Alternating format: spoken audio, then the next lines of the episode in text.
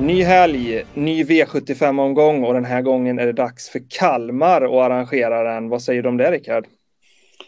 Ja men det är trevligt. Det brukar kunna bli eh, fina lopp där på Kalmartravet. En eh, ganska så normal bana ändå. Det brukar kunna ge rättvisa lopp och det man kan tänka på är då att stallbacksutfarten där ligger efter mål. Det kan ju vara intressant för vissa hästar som kanske tar i lite extra på den där eh, Kalmar-upploppet till slut där än kanske på andra banor. Så att eh, det kan man vara ändå värt att notera lite grann.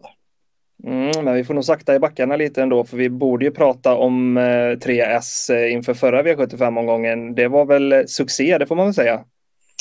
Så var det. Vi satte ju spiken där, Demir KME och eh, chaset Green Mamba förlorade ju så att de rubrikerna satt ju och även skrälloppet blev det ju en skräll där Bäcklös Uriel vann. Så att eh, ja, rubrikerna gick ju bra då.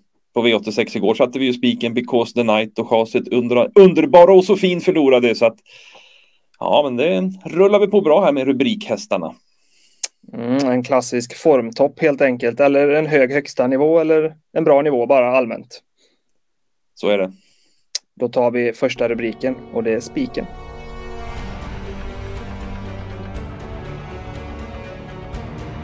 Och spiken hittar vi i den femte avdelningen och det handlar om Global Believer. Exakt. Nummer två har han ju bakom startbilen, vilket ju är eh, viktigt att notera här i sammanhanget. Och eh, ja, Global Believer, han har ju visat riktigt fin form här på slutet. Spurtade ju bra i ett V75-lopp senast där på Axevalla.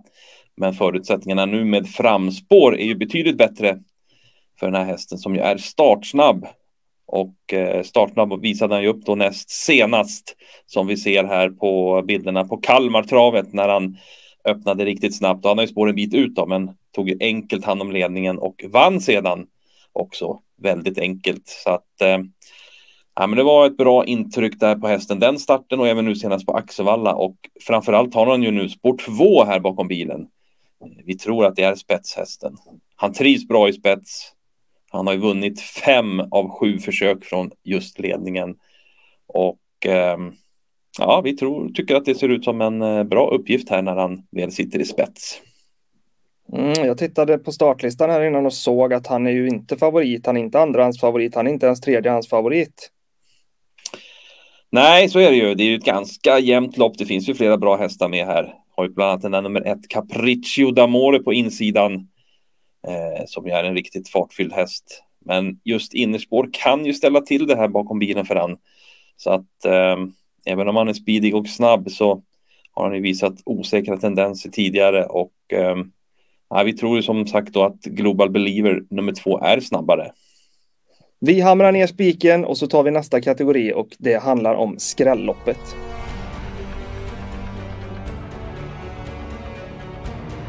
Och den här veckan hittar vi skrällarna förhoppningsvis i V75 6. Eller hur Rickard?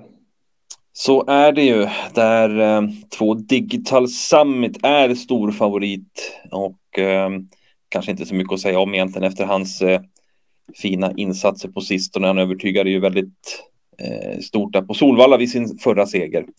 Men eh, ja, han skenar iväg på sträcken här på spelprocenten blivit stor favorit här och vi har den också som högst segerchans i loppet. Men inte så hög segerchans och då finns det ju en hel del roliga skrällbud bakom, eller roliga, men skrällbud i alla fall. Och eh, en av dem är ju nummer fem, Hurricane River, som ju såg bra ut när han kom i tredje spår i sista sväng senast som vi ser här på bilderna. Eh, det är ju Arvid SH som leder. Hurricane River var ju riktigt gott gåendes där då han slog på en galopp. Eh, I samma lopp så ser vi två andra skrällbud som är med även på lördag här. Eh, tre Galantis sitter ju i rygg ledaren, rygg på Arvid S och får se en lucka, skjuter till riktigt bra. Och vi ser också lite bakom där mellan hästar en gulsvart randig dress där eh, kör, kör, körsvännen har en sån dress där bakom Tabasco CD som också fullföljer rätt så bra där i skymundan och eh, ja, båda de här två sistnämnda då, Galantis och Tabasco CD har ju nu fått lopp i kroppen då, då efter eh, lite sjukdomsperiod där och eh, är ju väldigt spännande till låg procent. Och sen när jag pratade om första fem Hurricane River som ju galopperade sist. Men eh, han var ju gottgående då och gick ju riktigt bra bakom Donizetti i starten före där. Så att ja, det är tre starka formkort som ah, de är nästan inte spelade alls här. Så att ja, de här tre är ju riktigt intressanta. Ja, det känns inte som att det gör ont att gardera i ett sånt här lopp när det är rena smörgåsbordet bakom en jättestor favorit. Nej, så är det ju. Så att um, här hoppas vi att det kan uh, skrälla till då såklart. Det får vi göra. Då tar vi den sista kategorin också och det handlar om chaset.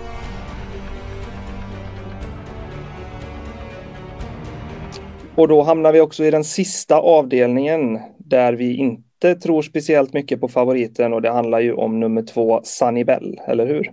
Så är det. Eh, ett sto som har gått bra här nu på slutet. Fyra raka segrar faktiskt, men eh, har väl ändå inte, ja, hon har ju vunnit då, men har ju inte kanske övertygat sig jättestort, fått det serverat vid vinsterna, eh, sprungit på sig rätt snabba pengar. Bara i de tre sista loppen har hon tjänat totalt 220 000 kronor.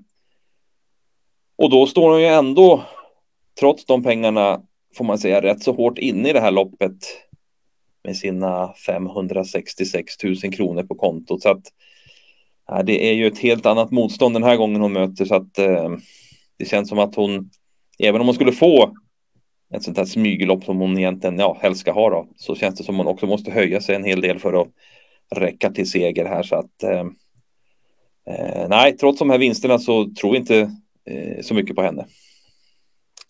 Finns det någonting annat att lyfta fram i loppet istället då? Ja, det gör ju det. En som eh, ja, har alldeles för lite pengar på sig kan man säga egentligen. Det är ju nummer tre, Affinity Face. Eh, har ju galopperat bort en del pengar kan man ju säga då. Men eh, när hon sköter sig är hon ju riktigt bra och hon kommer ju från seger senast eh, i ett V75-lopp på Halmstad som vi ser här när hon Ja, hon går ju faktiskt i tredje spår under slutvarvet och trots det plockar hon ju enkelt ner ledande Ridley's Dream där och eh, håller undan för Seventh Heaven också så att eh, en klart övertygande insats av Affinity Face. Här finns det faktiskt också på kartan att hon får ett mycket bättre lopp än senast. Eh, typ nummer fem Ninja Zone är ju startsnabb men feelingen är ju där att man släpper kanske ledningen där och då kan tre Affinity Face vara först framme och, och sitta i spets så att det kan ju bli en mycket bättre löpning för Affinity Face än senast. Så att, eh, nej, det här är vår första häst i loppet. Spännande där med förutsättningarna på Ridley's Dream och Seventh Heaven också jämfört med Affinity Face den här gången. Mm. Ja, så är det ju. Absolut.